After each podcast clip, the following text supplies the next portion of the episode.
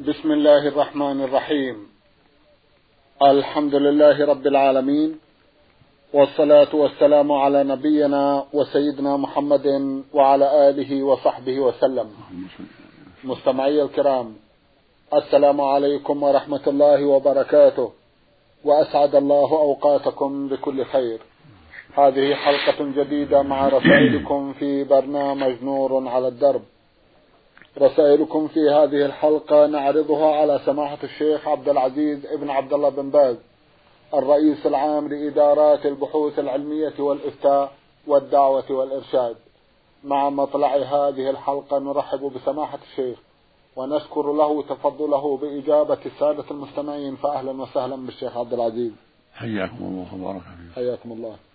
أولى رسائل هذه الحلقة رسالة وصلت إلى البرنامج من المستمع السائل أبو جعفر عبد المنعم من السودان.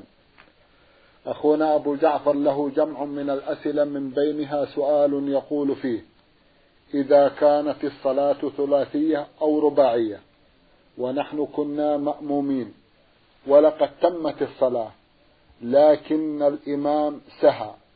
فقلنا سبحان الله ولم يرجع. ثم قلنا الحمد لله تمت الصلاة ولم يرجع. فماذا نعمل؟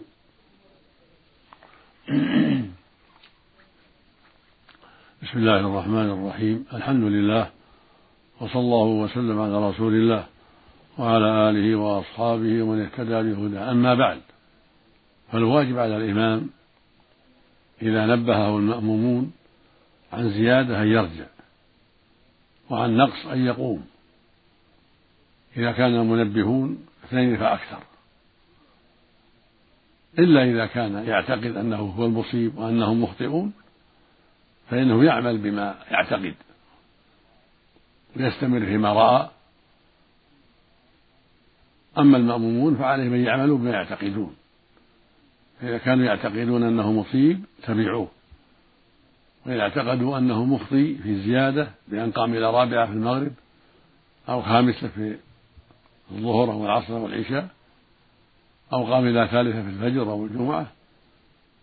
إذا اعتقدوا أنه مخطئ فإنهم لا يتابعونه يجلسون وينتظرون حتى يسلم ثم يسلموا معه. أما من لا يعلم ذلك بل عنده شك فإنه يتابع إمامه. الزيادة يقوم معه. وهكذا من جهل الحكم الذي لا يعرف الأحكام الشرعية وقام معه لا يضره. أما الواجب من جهة الحكم الشرعي فإن من علم أنه زائد لا يقوم معه يجلس ولا يتابع للزيادة. فإذا سلم سلم معه. وهكذا في النقص. إذا جلس في الثالثة في الرباعية أو في الثانية في الثلاثية أو بعد الأولى في الثنائية فإنهم ينبهونه سبحان الله سبحان الله. لا يقول تمت الصلاة ولا نقصت الصلاة. ينبهون بالتسبيح. لأن النبي صلى النبي عليه السلام قال فليسبح الرجال وليصفق النساء. قال من نبه شيء في الصلاة فليقول سبحان الله. هذا هو المشروع. يقول سبحان الله سبحان الله. فإذا لم يستجب وبقي جالسا فإن المأموم إذا كان يعتقد أنه ناقص يقوم. يقوم إلى كمال صلاته ويكمل صلاته والحمد لله. أما الإمام فإن كان يعتقد أنه مصيب فصلاته صحيحة. وإن كان يعتقد أنه غير مصيب فالواجب عليه متابعة المنبهين. وألا يبقى على الشك. فإذا نبهوا أنه ناقص يقوم يكمل. وإذا نبهوا أنه زائد يرجع. إذا كان منبهون اثنين فأكثر.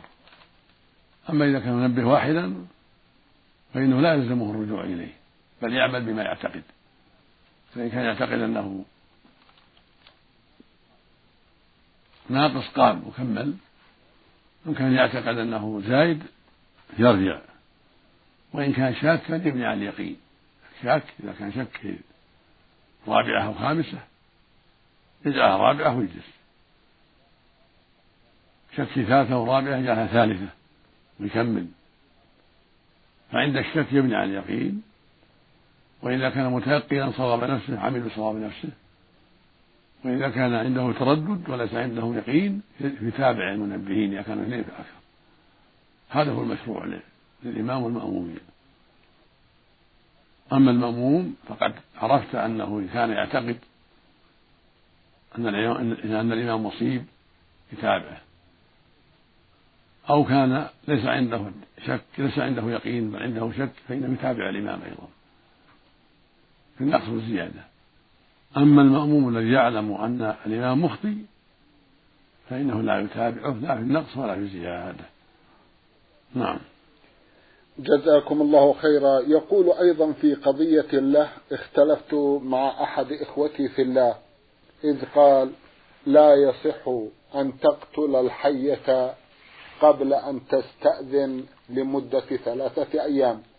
واستدل بآية وطلبت منه الإيضاح أكثر فقال إن قول الحق تبارك وتعالى وما خلقت الجن والإنس إلا ليعبدون دليل على هذا.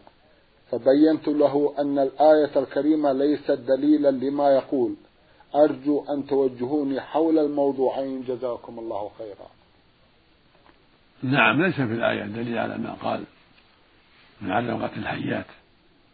لأن فيها ذكر الجن والإنس وأنهم خلقوا ليعبدوا الله. أما الحيات والعقارب والكلاب وغيرها خلقت لأمر آخر ولحكمة أخرى. وقد بين النبي صلى الله عليه وسلم أن الحية إذا كانت في البيوت تؤذن ثلاثا تنذر ثلاث مرات. فإن اختفت وإلا قتلت. وقال صلى الله عليه وسلم إن للبيوت عمارا من الجن. قد يتشبهن بالحيات قد يتشبهون بالحيات فتنذر ثلاثا. فإن اختفت وزالت وإلا قتلت. أما إذا كانت في البرية والأسواق والمساجد هذه تقتل. إذا رؤيت تقتل. كما قال صلى الله عليه وسلم اقتلوا الأسودين اقتلوا الأسودين في الصلاة الحية والعقرب هكذا جاء الحديث. وهذا يعم المساجد والبراري حيث قال صلى الله عليه وسلم اقتلوا الأسودين في الصلاة الحية والعقرب وظهر ووجدوا في منى حية فقام إليها الناس ليقتلوها فسبقتهم ولم يستطيعوا عليه يستطيعوا قتلها. فقال صلى الله عليه وسلم وقيت شركم كما وقيتم شرها. الحاصل أنه إذا كانت في البرية أو في مثل المشاعر لا بأس أن تقتل بل مشروع قتلها دفعا لأذاها أو في الطرقات أو في المساجد أما في البيت السكن فإنها تستأذن وتنذر ويقال لها إن عدت قتلناك لا تخرجي إلينا لا تبرزي إلينا لأنها قد تكون جنية فتفهم الكلام. فإن بردت بعد الثالثة قتلت. نعم. جزاكم الله خيرا. هل يجوز للمصلي أن يقرأ غير التشهد الأول في التشهد الأول؟ يستحب له في أصح قول العلماء أن يصلي على النبي صلى الله عليه وسلم. لأن الأحاديث عامة. سأله الصحابة قالوا يا رسول الله أمرنا الله أن نصلي عليه فكيف نصلي عليه؟ قال قولوا اللهم صل على محمد وعلى آل محمد كما صليت على إبراهيم وآل إبراهيم إنك حميد مجيد. اللهم بارك على محمد وعلى آل محمد كما باركت على إبراهيم وعلى آل إبراهيم إنك حميد مجيد. قال والسلام كما علمتم. السلام بين في الأحاديث الأخرى. السلام عليك أيها النبي ورحمة الله وبركاته. ولم يستثني التشهد الأول بل عمم عليه الصلاة والسلام. أمرهم أن يصلوا عليه ولم يقل في التشهد الأخير. فدل ذلك على أنه يشرع في التشهدين لكن ذهب أكثر أهل العلم إلى أن هذه الصلاة إنما تقال في التشهد الأخير والأرجح أنها تشرع في الأول أيضا لعموم الأحاديث. فإن تركها في الأول فلا حرج. نعم. جزاكم الله خيرا. هل يجوز الدعاء في حلقات القرآن الكريم اليومية بعد قراءة الجزء اليومي؟ هل يجوز أن يكون بصوت جماعي؟ ورد في هذا حديث ضعيف أنه كان إذا فرغ من مجلسه دعا. ولكن لا أعلم في حديث صحيحا.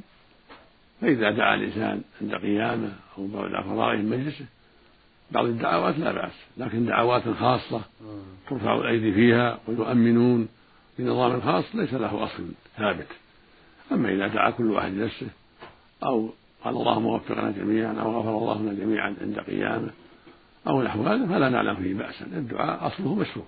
طيب. نعم. لكن كونه بنظام خاص يرفع يديه ويؤمنون جميعا أو يدعو ويؤمنون جميعا على طريقة خاصة ونظام خاص لا أعلم له أصلا إلا في حديث ضعيف. نعم. جزاكم الله خيرا. هل تجوز قراءة الجزء أو لمس المصحف والإنسان على غير وضوء؟ ليس له. في أصح قول العلماء أن يمس القرآن إلا وهو طاهر. وهكذا الجزء عما جزء تبارك ليس له يمسه إلا وهو طاهر. لما ثبت عنه صلى الله عليه وسلم أنه كتب إلى عمرو بن حزم أن لا يمس القرآن إلا طاهر. وهو حديث له طرق جيد وقد أفتى به أصحاب النبي صلى الله عليه وسلم. وبه قال جمهور أهل العلم العلم أربعة وغيرهم من أهل العلم فالواجب على المؤمن أن لا يمسه إلا عن طهارة. هذا إذا كان ليس عليه حدث أكبر. أما الجنوب فلا يقرأ ولا يمس المصحف جميعا حتى يغتسل. الجنوب لا يقرأ ولا يمس المصحف حتى يغتسل. أما إذا كان الحدث أصغر فله أن يقرأ عن ظهر قلب ولكن ليس له يمس المصحف حتى يتوضأ. واختلف العلماء في الحائض والنفساء هل هما كالجنوب؟ لا تقرآن حتى تغتسلا أم يجوز لهما قراءة عن ظهر قلب؟ لأن مدتهما تطول. وليست مثل الجنوب. والراجح أنه يجوز لهما القراءة عن ظهر قلب. لأنهما ليستا كالجنوب مدتهما تطول. والجنوب مدته قليلة. متى فرغ من حاجته استطاع أن يغتسل ويقرأ. فلا تجوز فلا يجوز قياس الحال والنفس عليه. القياس غير صحيح لأن الفرق واضح. أما حديث أنه صلى الله عليه وسلم قال لا تقرأوا الحائض ولا الجنوب شيئا من القرآن فهو حديث ضعيف عند أهل العلم لا تقوم به الحجة. والصواب أنه يجوز للحائض والنساء أن تقرأ عن ظهر قلب. أما مس المصحف فلا. لا تمس عن المصحف. لكن دعت الحاجة إلى ذلك من وراء حائل كالقفازين فلا بأس عند الحاجة إلى مراجعة آية ونحوها. نعم. جزاكم الله خيرا. من أحد الإخوة المستمعين من السودان أيضا وهو ألف ميم ابن الزبير بعث برسالة مطولة. ملخص ما في هذه الرسالة أنه يقول حاولت الحصول على جواز. لأداء فريضة الحج في ثلاثة أعوام متتالية ولم أحصل عليه إلا بعد دفع ما يسمى بالتسهيلات. وهذه التسهيلات عبارة عن رشوة. وجهوني جزاكم الله خيرا. الرشوة لا تجوز ولا يحل للمسؤولين في الجوازات أن يأخذوها بل الواجب عليهم أن ينفذوا ما وكل إليهم وما عهد إليهم ولا يأخذوا من الناس رشوة. والذي يحتاج إلى الجواز يسلك الطرق الشرعية في طلب الجواز من سفرة بلده. أما أنه يعطي رشوة فلا يجوز لأن ذلك منكر وإعانة للمسؤولين على الخيانة وهذا لا يجوز. لأن الله يقول سبحانه وتعاونوا على البر والتقوى ولا تعاونوا على الإثم والعدوان. فليس لموظف الجوازات أن يخونوا وليس لهم أن يأخذوا الرشوة والواجب عليهم أن ينفذوا ما لديه من التعليمات. وهكذا غيرهم من الموظفين. ليس لهم أخذ الرشوة بل ذلك منكر وعليهم أداء الأمانة والصدق في ذلك وصاحب الحاجة يسلك الطرق التي بينتها الدولة وأوضحتها الدولة للناس حتى يظفر بحاجته. والله سبحانه يقول ومن يتق الله يجعل له مخرجا ويقول سبحانه من يتق الله يجعل له من امره يسرا أما بذل الرشوة للموظفين حتى يخونوا هذا من التعاون على الإثم والعدوان. نسأل الله للجميع الهداية. اللهم آمين. جزاكم الله خيرا. من حقل رسالة بعث بها المستمع خاسين سين. يقول في أحد أسئلته ما حكم من كان في نيته أن يتوضأ لصلاة العشاء؟ ولكنه نسي. وتذكر ذلك بعد أن أدى الصلاة. هل يجب عليه قضاء هذه الصلاة؟ إذا كان يعلم أنه أحدث فعليه القضاء. أما إذا كان نوى يتوضأ للتجديد والنشاط وأنه يعلم أنه على طهارة ولكن عزم أنه يتوضأ لمجرد الفضل والنشاط هذا لا إعادة عليه لأنه صلى على طهارة. أما إذا كان يعلم أنه محدث وإنما أراد الوضوء لأجل أنه محدث فهذا صلى على غير طهارة. فعليه أن يعيد. لقول النبي صلى الله عليه وسلم لا تقبل صلاة بغير طهور. ولا صدقة من غلول رواه مسلم في صحيحه. وفي الصحيحين عن أبي هريرة رضي الله عنه عن النبي صلى الله عليه وسلم قال لا تقبل صلاة أحدكم إذا أحدث حتى يتوضأ فلا بد من الطهارة إذا كان على غير طهارة لا بد من الطهارة. فإذا صلى أو على غير طهارة فهو آثم وقد معصية وصلاته باطلة. نسأل الله السلامة. نعم. اللهم آمين جزاكم الله خيرا. يقول لي أخ لا ينشط كثيرا لصلاة الجماعة بل يصلي في البيت منفردا. بما تنصحوني تجاهه؟ وقد أديت له النصح أكثر من مرة. الواجب عليه أن يتقي الله وان يصلي في الجماعة لأن صلاة الجماعة في بيوت الله أمر لازم. هذا هو الصواب الذي عليه المحقق من أهل العلم. وقد دلت عليه سنة رسول الله عليه الصلاة والسلام فقد ثبت عنه عليه الصلاة والسلام أنه قال من سمع النداء فلم يأتي فلا صلاة له إلا من عذر. قيل ابن عباس ما هو العذر؟ قال خوف أو مرض. وفي صحيح مسلم عن النبي صلى الله عليه وسلم عن النبي صلى الله عليه وسلم أنه استأذن رجل أعمى قال يا رسول ليس لي قائد يقود المسجد. فهل لي من رخصة أن أصلي في بيتي؟ فقال له عليه الصلاة والسلام هل تسمع النداء بالصلاة؟ قال نعم. قال فأجب. ولم يأذن له في ترك الصلاة في المسجد وهو أعمى. ليس له قائد يقوده فكيف بحال البصير القوي القادر أمره أشد وأخطر. فالواجب على كل مؤمن أن يصلي في الجماعة وأن يتقي الله. ويبادر. وعلى عليك أيها السائل أن تنصحه دائما وأن تجتهد في توجيهه إلى الخير وتحذيره من مشابهة المنافقين. لعل الله يهدي بأسبابه فيكون لك مثل أجره. ولا تمل ولا تيأس. واستعن على ذلك بغيرك كأبيك وإخوانك الآخرين وبعض جيرانك حتى ينصحوك حتى يعينوك عليه. نسأل الله لنا ولكم وله الهداية. اللهم آمين. جزاكم الله خيرا. من كان في نيته الحج وهو عازم عليه ولكن حدث له شيء ما وتوفي كيف يكون الحكم بالنسبة له؟ جزاكم الله خيرا. إذا كان خلفه تركة حجج عنه. إذا كان قادر حين حياته قادر عنده مال يستطيع أن يحج فإنه يحجج عنه من ماله من التركة. أما إذا كان فقير ما عنده قدرة فليس عليه حج. وإن كان قد عزم على الحج بالدين أو غيره أو مع الناس إنما يلزمه الحج في تركته إذا كان قادرا في حياته. يعني عنده قدرة فاضلة على حاجاته وحاجات أولاده. عنده قدرة مالية يستطيع بها أن يحج مع إبقاء ما يقوم بحال عائلته. نعم.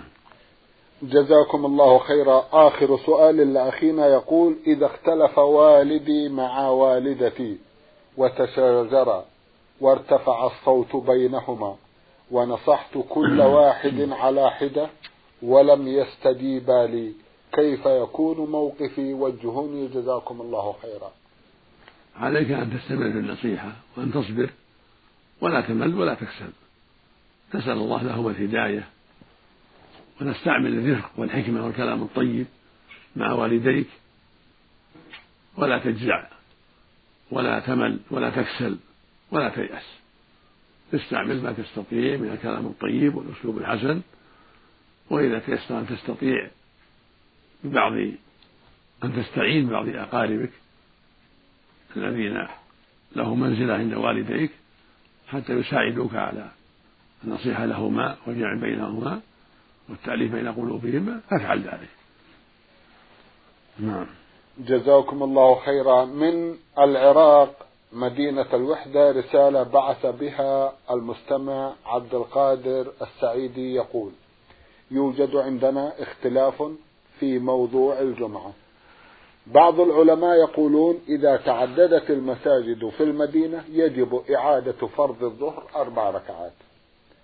جماعة في المسجد وينسبون هذا القول إلى الإمام الشافعي رحمه الله. فهل هذا وارد؟ نرجو الإيضاح. جزاكم الله خيرا. ليس هذا بصحيح بل بدعة. بل صلاة الجمعة مجزئة. وإذا تعدد في المساجد العذر لأن المسجد الواحد لا يكفي فالصلاة فيها جميعا جائزة وصحيحة والحمد لله. ولا نعلم ثبوت هذا عن الشافعي رحمه الله. ولو فرضنا أن الشافعي قال عن الاجتهاد فليس الشافعي ولا غيره من الناس معصومين. الشافعي وغيره من العلم قد يقول القول بغير حجة بل عن اجتهاد فيكون قوله مرجوحا. وهذه المسألة قول من قال بأنه يصلي صلاة الظهر بعد الجمعة قول مرجوح سواء قاله الشافعي أو غيره. الصواب أنه لا يعيد ولا يصلي الظهر بل تكفيه الجمعة. لأن الرسول صلى الله عليه وسلم وأصحابه لم يكونوا يأتوا بصلاة الظهر بعد الجمعة. وهكذا أصحابه رضي الله بعد بعده وهكذا سلف الأمة. والخير كله في اتباع سلف الأمة. وقد قال عليه الصلاة والسلام من عمل عملا ليس عليه أمرنا فهو رد. وإعادة الظهر بعد الجمعة. عمل ليس عليه أمره بل هو محدث. فيكون مردودا. والجمعة كافية والحمد لله. نسأل الله للجميع التوفيق. اللهم آمين. يقول صلينا التراويح ثمان ركعات في المسجد. بعض الناس يقولون إنكم هدمتم البناء الذي بناه الخليفة عمر بن الخطاب رضي الله عنه. هل هذا القول صحيح؟ نرجو التوضيح. جزاكم الله خيرا. هذا هو الموافق سنة النبي صلى الله عليه وسلم. وسنة النبي مقدمة على سنة عمر رضي الله عنه. وعمر رضي الله عنه فعل هذا وهذا. فعل 11 وفعل 23 صلى هذا وهذا مع الصحابة. فالأمر واسع. من صلى 23 فلا بأس. ومن صلى أكثر فلا بأس. ومن صلى 13 هو سنة. ومن صلى 11 فهو سنة. كله طيب. وأفضلها 11 أو 13 هذا هو الذي هذا هو الذي ثبت عن النبي صلى الله عليه وسلم. وإن صلى الناس عشرين مع الوتر ثلاثا فلا بأس كما فعل عمر في بعض الأحيان. وعمر فعل هذا وهذا. صلى تارة بأس. أمر أبي أن يصلي بالناس إحدى عشرة وفي بعضها صلى ثلاثة وعشرين. فالأمر بهذا واسع والحمد لله. ولكن المقدم هو سنة النبي صلى الله عليه وسلم. اللهم صل عليه. وقد ثبت عنه صلى الله عليه وسلم أنه كان يصلي إحدى عشرة وربما صلى ثلاثة عشرة عليه الصلاة والسلام. في رمضان وفي غيره. ومن زاد فلا حرج عليه. لقوله صلى الله عليه وسلم صلاة الليل مثنى مثنى ولم يحدد. لا ثمانا ولا عشرا ولا أكثر ولا أقل. فدل على التوسعة والحمد لله. صلاة الليل مثنى مثنى ثنتين ثنتين.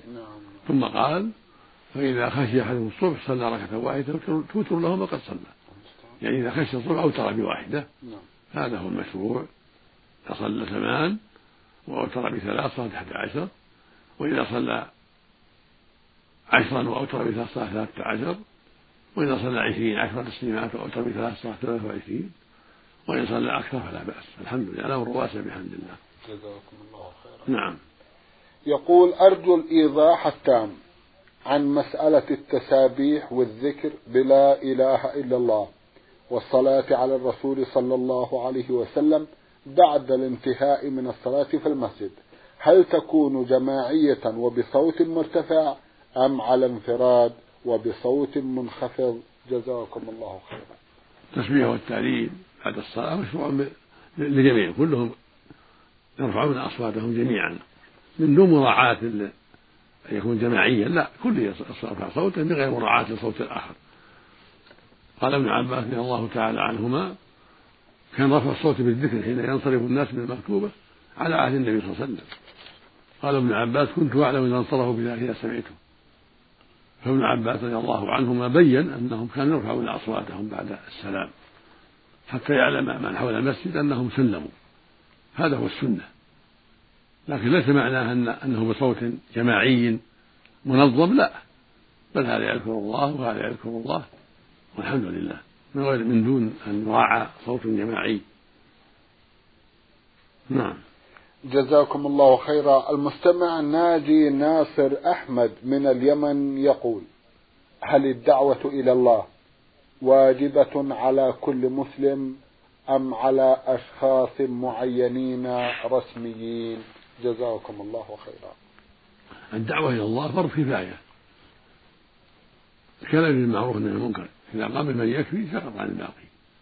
فإذا تولى الدعوة إلى الله من فيهم الكفاية في القرية أو في القبيلة أو في المدينة كفوا وإذا لم يكفوا لأن القرية واسعة أو المدينة واسعة أو القبيلة واسعة وجب على من عنده علم أن يشارك في الدعوة إلى الله سبحانه وتعالى حتى يحصل حتى تحصل الكفاية والتعميم. وإذا باشرها ولا قام بها غيره كان أفضل له. حتى يشارك في الخير. لقول النبي صلى الله عليه وسلم من دل على خير فله مثل أجر فاعله. ولا تختص بالرسميين بل مشروعة للجميع الرسمي وغير الرسمي. وهكذا الأمر بالمعروف والنهي عن المنكر مشروع للجميع مشروع للجميع. كل يدعو إلى الله ويأمر بالمعروف وينهى عن المنكر.